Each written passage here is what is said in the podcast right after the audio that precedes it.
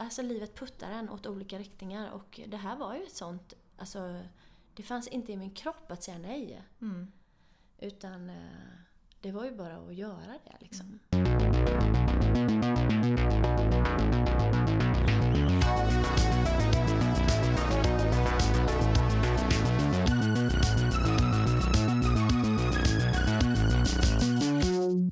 Kära publik, kära lyssnare. Välkomna till denna podd som leds av mig, Sanna Ingerman Nilsson. Jag är skådespelare på Kulturhuset Spira i Jönköping. Och I dessa tider av inställda föreställningar så kom jag på idén, geni, att jag skulle börja lära känna mina kollegor i huset lite bättre. Och varför inte låta er lyssnare vara med och göra samma sak? Så här kommer ni få möta folk på scenen, bakom scenen men även de som jobbar längre in i huset. Vi pratar om jobbet och om livet och om hur de hamnade här, på Spira. Jag hoppas att ni kommer få en trevlig stund med mig och mina talangfulla kollegor och önskar er varmt välkomna.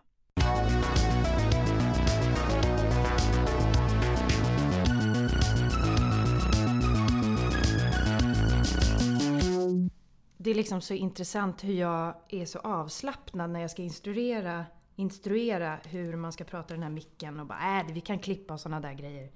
Och så blir jag alltid lite nervös när man sätter på räck. Och nu sitter jag här med Sofie Palander. Hej, hej. Välkommen till min podd. Tack. Det är otroligt härligt att ha dig här. Tack. Vad roligt. Jag Ja. är lite, också lite nervös. Ja, det kommer släppa Men, eh, om det några släpper- minuter. Ja, precis. Sofie, du jobbar med Freja. Mm. Kallar man dig som en, en av de konstnärliga ledarna helt enkelt? Mm. Tillsammans med Sanna Holm. Holmgren Jonsson. Ja. Men du har varit det tidigare. Ja, jag har varit eh, ja, sen, sen vi kom in i Spira tillsammans med Peter Ivan Eriksson. Just det. Fast då höll han i den stora... Han drog det stora lasset som den konstnärliga ledaren och jag var mer en, en koreograf och ett eh, bollplank och en följare. Kan inte du berätta, vad är du, innan jag tar min inledande fråga som jag alltid tar. Kan du berätta lite om, eh, nej men den ingår ju där. Hur hamnade du här? Hur är din, väg till Spira liksom? Och vad är du eh, utbildad, vad är ditt... Ja, du fattar min fråga utan att jag kan Ja. formulera den uppenbarligen. Ja. Nej men jag kommer ju ifrån dansvärlden ifrån början. Så att det är det som är min liksom, grundprofession. Det är min passion också. Men eh, för många år sedan, för kanske 20 år sedan, så fick jag en kontakt med Peter Ivan Eriksson. Jag minns inte hur, men han tog kontakt med mig för han hade sett i någon eh, tidning att jag hade fått ett stipendium. Och han sökte då någon form av rörelsekonstnär till ett samarbete med eh, Freja när den startade egentligen. När Freja startade då, det är ju 15 år sedan nu. Jobbade du som dansare då? Eller? Jag minns inte riktigt men eh, jag tror att jag jobbade som pedagog då. Ja. Eh, jag gjorde lite små frilansuppdrag. Mm. Men eh, jag, hade, jag har ju jobbat tidigare i Stockholm men jag, detta var efter det tror jag. Mm. Ja. Så då hamnade du på Spira, men sen har du försvunnit en sväng och sen är du tillbaka nu? Ja, han kontaktade mig och det blev ju liksom en sån där extremt fint möte. Vi bara möttes och eh, ja, det var som att möta sin själsfrände på något sätt. Vi förstod varandras sätt att prata och, och se visuellt på saker. Det var nästan otäckt, eh, en otäckt fin balans liksom. Mm. Så då bjöd han in mig och jag började jobba med kropp och rörelse för att mycket av det de hade gjort var att de skulle hu- hur man använder rummet egentligen som scenkonsten mycket handlar om. Mm. Då kanske vi ska beskriva Freja. Freja består ju, kan inte du göra det? Mm. Freja startades för 15 år sedan med, eh, utifrån en, en tanke från Ingrid Sindahl Norelius som jobbade som producent på teatern. Hon ville undersöka just eh, teater mot människor med någon form av funktionsvariation. Och främst då mot, inom autismspektrum. Är det möjligt? Det som står i böckerna är omöjligt. Mm. Det var liksom hennes fundering. Och hon fick igenom det och så, så började någon slags experiment. Vi började liksom undersöka liksom olika typer av människor i eh, mötet med teatern och scenkonsten. Och så fick vi konstnärer som var involverade på olika sätt eh, rätt så fritt spelrum. Och så var det läkare inblandat, det var forskare, ja, massa ob observatorer, säger man. Mm. Som, som satt och i, ja, iakttog och tittade liksom på framförallt hur vi la orden och hur vi mötte människorna och framförallt hur det togs emot. Hur fick ni tag på de här ungdomarna då, som det var? Jag vet inte riktigt hur hon gjorde, men Ingrid har ju en son eh, som har Asperger. Mm. Så jag tror att hon hade ett rätt så fint kontaktnät. Ja, och hon klart. är ju en brinnande, eller var, hon lever tyvärr inte längre, men hon var ju en sån eldsjäl verkligen. Mm. En modig sådan. Men det är helt fantastiskt att få dessa människor att vilja eh, prova. Ja. Och för det går ju lite emot eh, ja. det de kanske känner för. Ja. Många gånger. Ja, och framförallt det här att man kanske känner för någonting men man kanske har svårt att ta sig ut. Ja. Man kanske har Så. svårt att ta sig över tröskeln bara. Ja. Men eh, väntar man och jobbar med olika rytmer så fungerar ju det, har vi märkt. Ja. Det är alltså... Det är typ vår mest älskade ensemble känns det som. De har alltid fullt på sina föreställningar. Medan vi bara, jaha, fick de all publik? Nej jag skojar, så, är vi, så missunnsamma är vi verkligen inte. Men eh, de är verkligen omtyckta. Det är något med att gå och se Freja. Det, är, det, det berör väldigt många. Ja, men det är väl liksom någon, den här filtret på något sätt skalas bort. För att de har ju gåvan, tycker jag, då, att ofta bara vara den de är. Mm. Och eh, scenkonst är ju svårt på många sätt, men det, framförallt är det ju svårt att bara göra det man ska och inget mer. Mm. Även om man spelar sig själv eller är en annan karaktär. Ja. Så är ju det den stor, Det är ofta det som gör om man når ut eller inte, tycker jag personligen som ja. danskonstnär. Att om man är i det totalt och släpper någon slags kontroll eller om man håller kontrollen och spelar någonting eller utövar rörelsen för att visa upp sig eller då når det inte ut på riktigt samma sätt. Nej, och det är väl det filtret som de liksom inte har. Ja. Alltså, vilket gör att det når in så lätt. Att, det, ja. att de är sanna på något märkligt sätt. Gud vad pretto. Men du... Ja, nej men det, jag tror också det. Och första gången jag kom in i rummet och såg några av dem eh, agera så var det så att jag kom ihåg så väl att jag såg en ryggtavla på en, eh, en tjej som heter Beata. Och eh, jag minns så väl hur jag precis liksom kände den här totala närvaron när hon bara satt i rummet. Mm. Och i och med att jag är intresserad av rörelse så blev det så extremt lockande och frestande att gå in i det för att hon var så totalt i sin kropp. Mm. När hon bara satt och lyssnade. Hon var liksom ingen annanstans än bara där. Mm. Och det kände jag att det hade jag ju dels brottats mot själv och också tyckte varit mest intressanta när jag själv eh, var i dansbranschen. Mm. De här dansarna som, som hade precis det där. Mm. Och jag har alltid varit otroligt intresserad av det själv med närvaro. Jag har haft svårt också att utöva saker själv om jag inte, om jag inte vill göra det. Ja. Extremt eh, svårt att motivera mig om inte jag vill. Du är så tydlig känsloperson och är väldigt eh, ja. sensitiv när det gäller eh, in, alltså, känna av andra människor och du är väldigt intuitiv och, och sådär. Jag antar att det är därför du har hållit på med dans och rörelse och, och Freja inte minst. Och också, du håller ju på med hästar. Ja. Nej men känslomänniska, det är svårt att inte liksom vara det när man råkar vara född så. Mm. Man, man måste liksom på något sätt, det är ens stora kraft och ens stora svarta hål på något sätt. Mm. Hela livet. Alltså man brottas ju verkligen mot det. Mm. Eh, och eh, jag har ju använt det mycket i mitt eh, sätt att hantera liksom scengolv och scenkonst och, och rörelse. Men till slut så blev jag en maskin. Och då tog det stopp för mig. Jag fixar inte att jobba som dansare då, så då valde jag att byta riktning. Så det var också det som gav mig utmaning att jobba med Peter och att gå in i, på något annat sätt. Mm. I, eh, alltså den här luststyrda känslan är så avgörande på något sätt. Om man är en känslomänniska. Det går liksom inte... Jag tror man kan säkert forcera det, men jag skulle nog bli lite olycklig då tror jag. Mm. Och så har du då hittat eh, ett starkt intresse i hästar som du... Mm. Äger du hästar också? Mm. Jag har sex hästar. Ja. Men nu, jag har så många för jag driver mitt företag nu parallellt med Spira. Mm. Men, eh, nej men det är samma, egentligen är det inte så komplicerat utan jag, jag upplever att människor med variationer, vilket jag tycker är så fint att vi är olika, kanske har en starkare, en starkare, eller man är närmare känslighet och eh, beredskap på något sätt. Man eh, har en, liksom, ett annat förhållningssätt till både rum och miljöer och andra människor. Och det är väldigt likt djuren. Man kan liksom inte fejka att man är glad eller fejka att man eh, tycker något är kul. Utan antingen gör man det här för att man, man vill det, eller så gör man det inte. Mm. Och där har ju djuren lärt mig otroligt mycket. För jag kommer ifrån en prestationsvärld. Där man är en maskin då i vissa lägen och ibland är man en konstnär utifrån sig själv. Men jobbar man mer mot maskineriet i dansvärlden så blir man ju i en otrolig prestationsvärld. Och eh, det är ju... Mer än i många andra konstnärliga yrken tänker jag. Det är så himla direkt. Jag menar skådespeleri kanske kan vara något så här... Um, alltså dans är ju så tydligt så här. Kan man göra det här eller kan man inte? Alltså, eller hur? Ja, kan, kanske det är så faktiskt.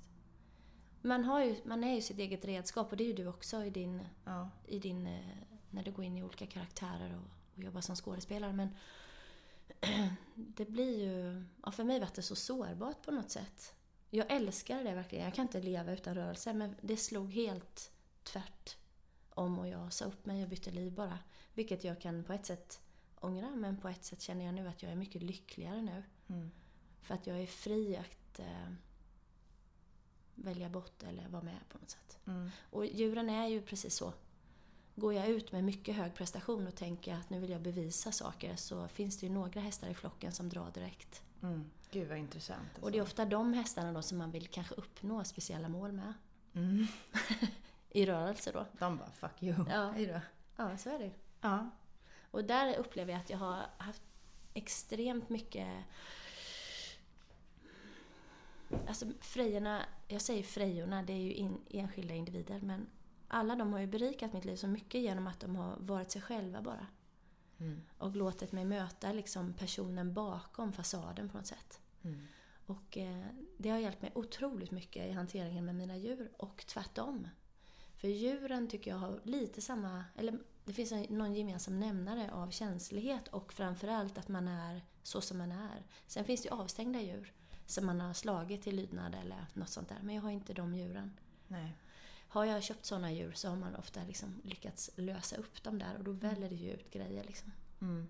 Men vad, vad... För du har ju inte bara hästar utan du jobbar ju med dem. Mm. Vad är det du jobbar med? Vad är, för du har gått utbildningar och gör det nu också. Ja, det började med att jag var väldigt intresserad av rehabilitering då. Eller jag försökte dra mig mot rörelsen. Mm. Och se liksom det motoriska och förflyttningar och hur man använder kroppen på fyra ben och, och så. Och framförallt för att få både liksom en... Det handlar inte bara om balans i muskulaturen utan även inuti liksom. Det vet ju alla som, som är människor eller levande varelser. Men eh, nu har jag liksom dratt det så långt så att jag jobbar precis som med Freja egentligen. Att man har... Jag tar emot barn och vuxna med passioner som kanske handlar om att jag har ett extremt intresse av djur. Men jag har svårt för att gå i skolan eller jag har svårt att förhålla mig till människor eller jag har panikångest eller jag har mycket sorg eller något annat. Och så får man liksom jobba med mig och mina djur. Och det handlar inte så mycket om att det är... Så egentligen handlar det om precis det som Freja gör. Att man utövar ett intresse och hittar en slags gemenskap och en tillit till förhöjd livskvalitet på något sätt. Mm. Så det är inte så avancerat som det låter utan det är mer att man, man, man jobbar mot att få en, en balans och en tillhörighet och få vara bara den man är. Mm. Och, och alla yrken och situationer man hamnar i livet så dras man ju så kraftigt mot Ja, mot olika håll och folk pressar en och man gör saker man kanske bara inte vill och så. Och det är utvecklande tills man gör det alldeles för mycket. Tills kroppen kanske går sönder eller man blir sjuk eller Mm. man, man har gjort det för länge helt enkelt. Mm. Man har, Så vanligt ju. ja. Mm. Men eh, utveckling är ju kul och då tänker jag då kör vi Freja-metoden fast med hästar också då. Häftigt hur du har lyckats liksom väva ihop de där. Ja, men jag tror på spridning. Det är också min passion. Liksom just det här att vi har jobbat med 15 år, eller i 15 år med det här. Peter-Ivan har lärt mig så mycket om att våga vänta. Att våga lyssna när man har ställt frågan. Eh, att släppa kontrollen och tro på någonting som man inte tror på. Allt det där som jag hade så fruktansvärt jobbigt för. Mm. För jag var hela tiden, jag sprang hela tiden före mig själv liksom, i en prestationsvärld. Han drog hela tiden tillbaks och sa att jag skulle sitta och vänta, att det här kommer gå bra och lyssna in och, och allt det där. Och sen är det ju fördelen då med människor som är helt sig själva, de är ju ofta väldigt uppriktiga med vad de klarar av inte. Så klarar man inte av det så går man ut ur rummet bara. Mm. Eller så blir man förbannad eller så säger man till att stå inte där och bara prata om dig själv. Mm. Varsågod och bjud in. Eller, det finns en uppriktighet som gör att man väcks till liv lite grann. Mm. Och då möter man ju någonstans det där, alla har olika rytm. Mm. Det finns inte samma liksom. För någon tar extremt lång tid och man kanske inte ens behöver öppna boken förrän två dagar innan. För någon annan så behöver man sitta varje kväll och den tredje kanske har bara hört det genom luften och fattar precis. Och, mm. och den andra måste ha den i ljudbok eller vad det är. Mm. Alltså egentligen så är det inte så konstigt. Nej. Men eh, så långt bort på något vis var det för mig. Men du är, är ju ganska brutalt ärlig, tänker jag. Ja. Enligt min eh, goda vän Erik Norén så kan du vara brutalt ärlig. Ja. Eh, vilket han uppskattade väldigt mycket. Är det så? Ja, och det, det är väl också liksom till min eh, fördel. Och ibland så förlorar man ju liksom till och med vänner för att man är det. Jag har väldigt svårt att forcera. Jag gör massa fel i livet och ibland kan jag inte vara så närvarande som jag vill. Och då kanske man bara är i det man är i och så kan man inte ta in och så kör man över någon liksom. Men jag kan inte säga jag tycker det här var fantastiskt om jag inte tycker det. Nej. Och det handlar inte om att jag tycker att jag är bättre eller att jag gör saker bättre utan det är bara Redan som liten så var jag Jag kunde springa ut ifrån rum, ifrån sammanhang om jag tyckte att där fanns det alldeles för mycket liksom fasad. Mm. Så jag känner mig nästan lite mer som ett flyktdjur. Mm. alltså det är därför jag känner igen mig i djuren på något sätt. Mm. Det, jag har bara jättebehov av det. När jag går och ser föreställningar så är det väldigt svårt att se om jag inte... Om man inte tror på det man gör när man står där på scenen. Så mm. har jag väldigt svårt att ta in det liksom. Och det handlar inte om att... Nu blir jag lite berörd känner jag. Det handlar mm. inte om... För jag blir ofta missförstådd där man, man tror att man är för mer. Men det handlar inte om det. Utan jag kan bara inte stänga av den observationen på något sätt. Och det betyder inte att jag har rätt alltid heller. Men eh, jag är bara superkänslig för det. Liksom. Mm. Men det är så intressant att du pratar om det för att jag, jag vill gärna bli en konstnär som eh, vågar höra de där sanningarna. För att jag tror att om man inte tar det som ett slag mot mig som människa utan istället lär sig av det, kan koppla bort det helt, så tänker jag att det är en, ett väldigt användbart verktyg. Att kunna tillgodose, ja ah, tycker du det? Och sen då kunna komma längre i det man håller på med. Mm. Men problemet är väl ofta när man kritiserar, eller säger så här, är helt ärlig med att det här tyckte inte jag var bra. Att man då kritiserar människan bakom det. Mm. Um, och att det är det man måste skilja på. Mm. Och det är klart att om man tar det som en personlig kränkning, att man tar illa upp. Mm. Men många gånger när man hör så kritik inom jobbet så kan det slå mig in i, i mig. Men att sen då förstå, nej just det, det handlar inte om mitt värde som människa. Nej. Och sen då kunna använda det, det är mitt mål och det är mm. jättesvårt. Men eh, det är ju ändå en gåva med folk som kan vara sådär ärliga. Eh, om man vågar ta det på rätt sätt. Ja, men då handlar det mycket om det du pratade om förra gången med Danne faktiskt. Du nämnde någonting som sa att när man är mitt upp i någonting och kanske är lite stressad själv eller är på väg någonstans, man är liksom mitt uppe i sitt eget fokus, då kan ju ibland de uppriktig, uppriktiga liksom, orden slå rätt så hårt. Mm. Om man råkar Sant. säga det i, i fel timing liksom. Och då ja. kan det ju bli eh, egentligen mycket, mycket större än vad man, vad man menade. Liksom. Precis. Och det är väl eh, den nackdelen med att vara en känslomänniska då. Ja. Ja, det är ju den skillnaden som man har inte ätit frukost, man vet inte vad man håller på med eh, och man känner sig skör och utlämnad. Då är det svårare att ta den kritiken än när man har ätit frukost och Ja. typ har lite självförtroende. Såklart. Liksom. Ja, precis. ja. Bra sagt. eh, men sån är jag. jag. Nu ska jag fråga, du eh, blev mamma inom citationstecken. Mm. Eller hur ser du på det? Eh, ganska nyligen. Får jag Ja. fråga om det här? Ja, ja, absolut. Ja, jag har ju två barn, 18 och 15. Eller vi. Min man säger att jag alltid säger jag, men det är faktiskt vi. Jag får lite kritik för det. Men. Ah, okej. Eh, eh, sen för, eh, hon är två, lite mer än två år idag och hon kom till oss när hon var åtta månader. Och det var faktiskt en god vän till mig från Stockholm som ringde och så sa hon till mig Kan du sätta dig ner och ha världens konstigaste fråga? Och då satt jag i en bil i Tranås. Absolut, jag sätter mig. Och då var jag inte på Spira utan då provade jag ett annat jobb ett tag för jag behövde liksom lite annan typ av luft i mitt liv. Och så säger hon, du jag sitter här nu med eh, min eh, syrra och jag undrar om eh, du och din man skulle kunna tänka er att ta emot ett barn på åtta månader för att eh, livet ser ut så för henne just nu att hon klarar inte det själv. Och det är en eh, familj som eventuellt är på gång men hon vill välja själv så jag undrar, har ni möjlighet? Wow, alltså jag får gåshud. Jag vet inte vad jag skulle... Ja. Ja. det var, men för mig var det så här helt rätt i tiden. Vi hade liksom gått igenom väldigt mycket tuffa perioder, jag och min man, under lång tid. Och vi hade tagit oss upp och börjat få rätt så mycket luft och hittat nya vägar. Men det handlar ju mycket om att liksom bryta mönster när man trasslar in sig. Liksom.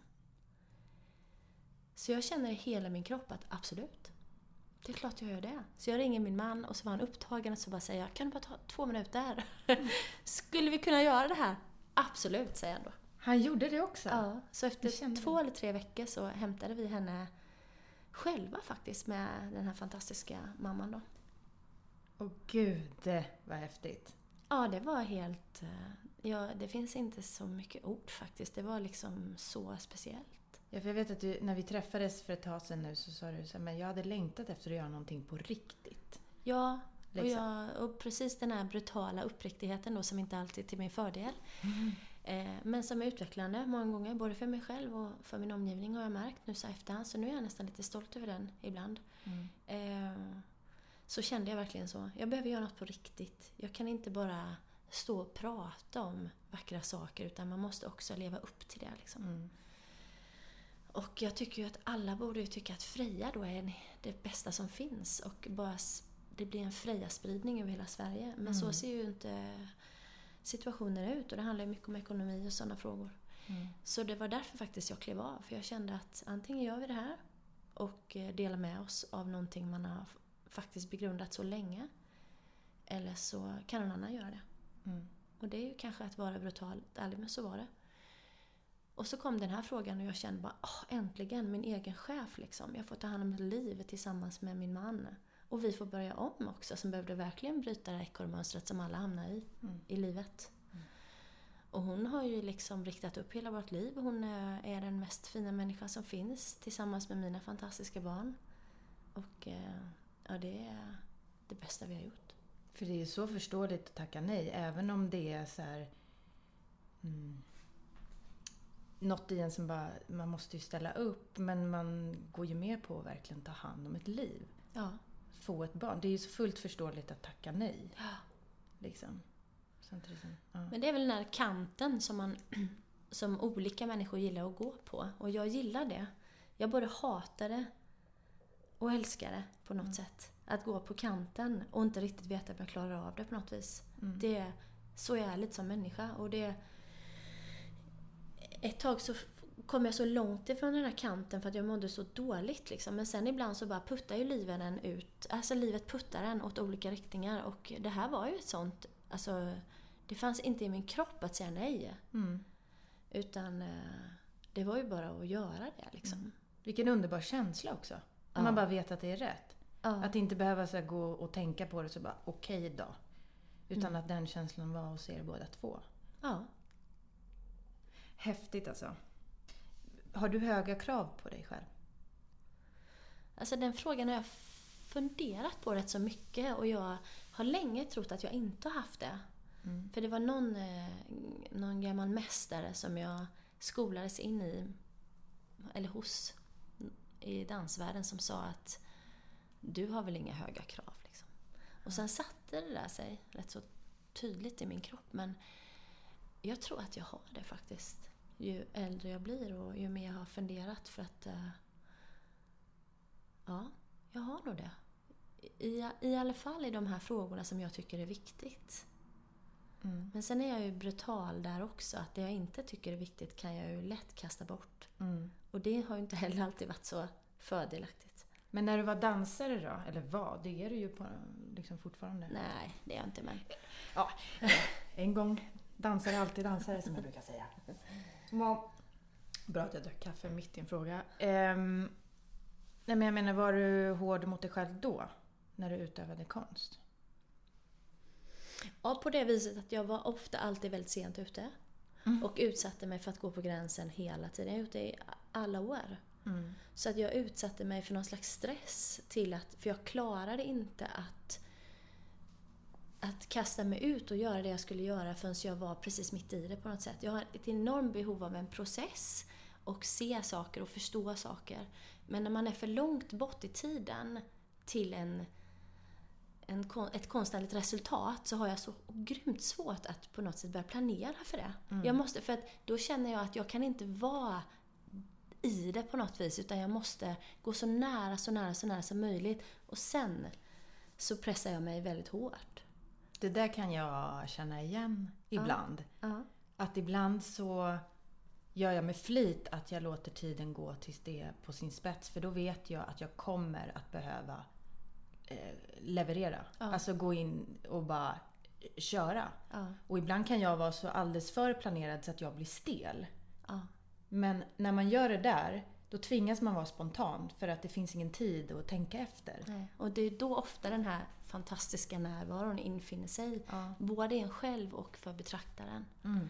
Och det, jag har ju utsatt Freja för enorm prövning för att jag har varit så förvirrad och så processig och jag förändrar mig hela tiden. Och, och många tycker väl som har jobbat med autistiska människor eller folk med olika former av diagnoser att man måste vara extremt tydlig och ha ramar. Och jag är egentligen totalt tvärtom.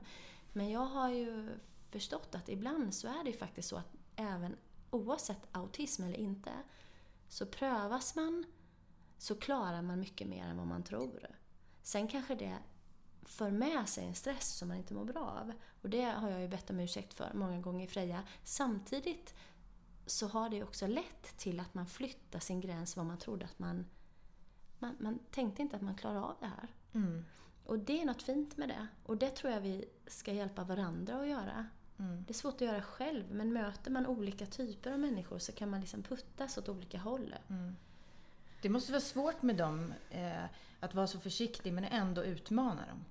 För att de behöver det. Ja, men jag tror att uppriktigheten där gör ju att, att de känner någon slags tillit. För att jag har ju väldigt svårt för att forcera. Mm. Så är jag irriterad någon dag så kan jag säga det. Idag är jag skitirriterad, men jag är inte irriterad på er. Okej. Och så kan de släppa det liksom. Mm. Medan många andra kollegor bara går i spänning. Mm. Och det är så skönt att få vara lite irriterad ibland då. Mm. Känner jag. För att det är så vi är på något sätt. Ibland är man glad och ibland så puttar livet en till att bli superirriterad. Ja, och det är väl inte så farligt. Nej, jag tycker att det är viktigt att möta det. Ja. Faktiskt. Så. Den här frågan återkommer varenda... Men det, vad berör dig? Den har jag ställt till alla, för den, jag tycker den är bra. Den Mm. frågan.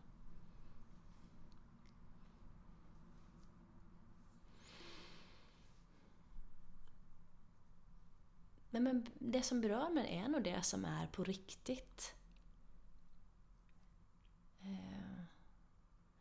Det, man inte, det som är på något sätt mellan ordet och det man gör. Det man inte riktigt greppar på något sätt. Mellanrummen. Man kan inte riktigt säga varför utan det bara var någonting som...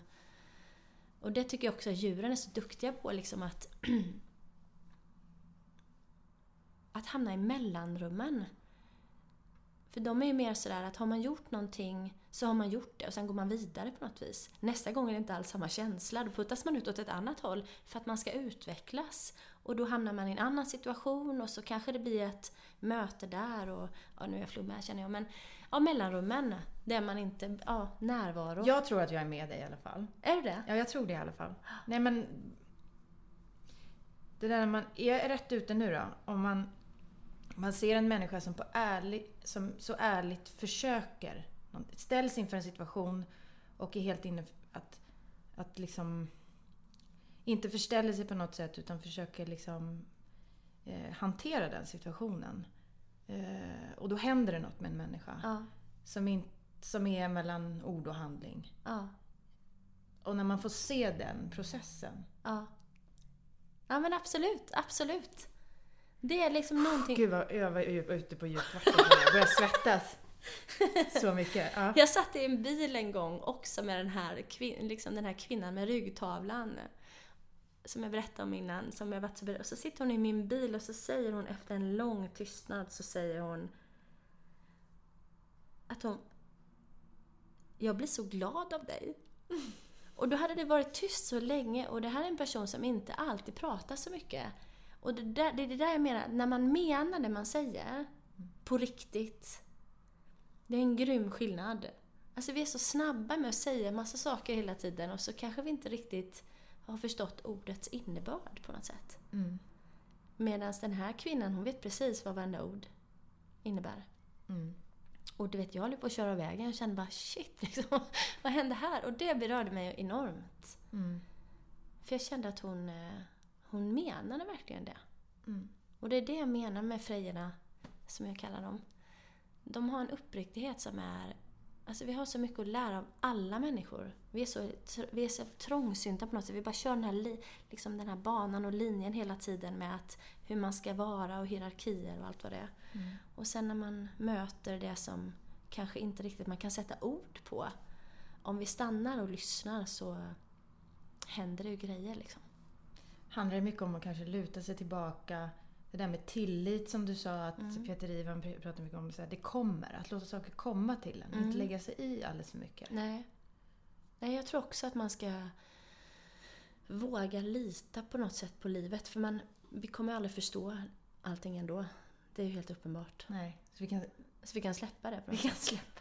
Gud vad skönt. Ja, eller hur? Ja. Alltså det, ibland händer det saker som är så sorgligt som man bara... Men eh, det spelar ingen roll hur mycket vi jagar svaret, för det finns ju inte. Just Nej. nu i alla fall. Nej. Eh, Och, det- ibland finns det inte ett svar. Nej, precis. Och det är också något så fint med det. Ja. Att det inte gör det. Mm. Vad har du för eh, drömmar? Jag har helt galna drömmar. Nej, men jag, jag drömmer nog om att... ehm, eh, vill du verkligen veta mina drömmar? Ja, jag vill jättegärna. Nu vill jag verkligen veta när du säger sådär. Nej, men jag har nog någon dröm att eh, möta min alldeles liksom... Om jag pratar om den egoistiska drömmen. Och sen finns det ju en annan dröm också som är mer liksom mot världen. Mhm. Vilken vill du veta? Jag vill veta båda. Båda. Om du vill berätta dem. Oj. Nej men den, eh, om vi, jag, eh, min, min, liksom, min egna dröm då rent liksom så här, lite egoistiskt och så, som man får känna ibland, det är nog det att kunna stå, stå rakt upp tror jag, på en av mina svåraste hästar. Hon är lite som ett rådjur. Mm. Hon eh, släpper inte alltid in, hon vill inte alltid vara med mig. Hon säger ofta nej. Hon älskar, eh, jag ska inte säga att hon älskar för det är fel. Allt det här jag säger nu är bara vad jag känner och tror. Jag säger inte att hon är sån, för det gillar jag inte heller. När man säger att folk är så, så och si. Men eh, hon är så, hon tycker om att eh, om vi ska rida så ska vi rida i mörker med en liten ficklampa bara på skallen och inte i dagsljus. Oj. Hon är liksom, hon har en, en, ett bevakningssystem i kroppen som är nästan som ett... Eh, Eh, hon är liksom ett riktigt flyktdjur. Som ett Mm. rådjur. Mm. Hon är så, så när jag sätter mig på henne så är det som att gå upp på en höghöjdsbana. Jag kopplar på alla mina signaler i kroppen för att jag måste vara så beredd. För att hon ser saker jag inte ser. Hon är så vaken på något sätt. Mm. Jag drömmer om att släppa min kontroll helt. Och stå på hennes rygg. Eller Stå? sitta på hennes... Helst stå. Och bara släppa henne. Att gå in totalt i hästen. Det är min Ja. dröm. Alltså min... Känns ju som en omöjlig dröm. Men, men det är att bara stå och släppa henne helt fri. Ja. För det känns som att jag kommer aldrig förstå den hästen. Och henne köpte jag för att jag ville prestera, jag ville liksom göra så här utbildningar och kurser och så. Och hon är den som minst vill det. Mm. Hon, vill du, men du jobbar åt det hållet? Ja, jag, hon, hon håller ju tillbaks mig, hon lär ju mig tålamodets prövning liksom. Mm. Så när jag ibland är skittrött och kanske uppgiven eller ledsen eller, och jag bara känner, det spelar ingen roll hur det går nu, nu bara, då rider jag ofta henne. Mm. För att då slappnar jag av och tappar min kontroll. Så det känns som att skulle jag ha en ögonbindel på, över mina ögon så, så mår hon bättre. Mm. För då får hon liksom, eh, då lägger jag mig inte i Mm. hur hon är på något vis. Mm. Utan hon, jag kommer ju aldrig förstå det ändå hur hon är. Mm. Men vi är ju mästare på att tro att vi förstår allt och alla. Och det är något fint att inte förstå, men det är lite läskigt också. Speciellt när man ska sitta på någon med så snabba ben. Ja. Och som kan göra så mycket. Alltså det är ett stort Ja, jäkla djur. Liksom. ja. Vad är din, din dröm mer världs... mot världen? Nej men det är nog liksom att, man, att, att världen ska vakna upp och fatta liksom hur, hur vi mycket vi behöver varandra oavsett diagnos eller var man kommer ifrån eller färg eller vad det alltså hur viktigt det är att mötas på något sätt. Jag tycker det är så sorgligt att vi är så långt efter. Mm. Alltså så mycket som jag lär mig av alla människor som jag som jag kanske inte hade mött om jag inte hade jobbat med konst eller som jag inte hade mött om jag inte träffat dig. Eller, alltså att man är lite mer öppen för det. Vi är så Mm. snabba på något sätt att värdera och, och, och liksom stänga av och skydda oss själva på något vis. Jag pratade med Lo om exakt det här. Mm. Att vi är mer lika än vad vi tror. Ja, Och förstå det. ja. Ja. Och jag tror att det pratas ju så mycket om vi och dem och variationer eller inte variation, diagnoser eller vad det nu kallas. Men jag känner att jag tror alla vi har liksom drag av de här nyanserna fast på, med olika styrkor på något sätt. Mm. Eh, Men att vi får vara lite mer liksom ödmjuka inför det. Vi är så himla... Vi bara värderar allting, Mm. inklusive mig själv. Jag har hållit på i massa år Mm. och tror att jag kan medla och greja. Mm. Och så har jag börjat släppa det nu och inte göra det och då går ju livet lite lättare. Ja. Gud vad, vad mycket ont det har gjort när, när vi människor försöker bli den där perfekta människan. Gud Mm. vad vi håller på med det. Mm. Och gud vad ointressant. Så ointressant. Det är ingen som bryr sig. Av det, alltså det, är liksom, det skadar människor så otroligt mycket. Ja. Och då Och så- är det ibland en gåva att inte kunna. Alltså att, att inte ha förmågan att förställa sig. Mm. Det kan ju faktiskt vara en tillgång också, Otroligt. Mm. ibland. Mm. Att man känner att nej, men det här, det, för man blir befriad ifrån någonting samtidigt som man är fångad i något annat. Mm. Så är det ju faktiskt så. Att man, så vi har mycket att lära tycker jag och det önskar jag att det var lite mer mjukt. Vi ska vara mjuka mot varandra. Ja, Ja, det ska vi. faktiskt. Jag tycker det är ett ganska fint slut. Mm. Jag känner mig helt torktumlad eh, av det här samtalet. Gud vad mycket vi har pratat om. Mm. Jättefint. Och jag är så himla glad eh, att du ville komma hit och prata med mig. Tack. Detsamma. Ja, tack. Och lycka till med Freja och allt annat. Och tack. hästarna. Tack. Tack.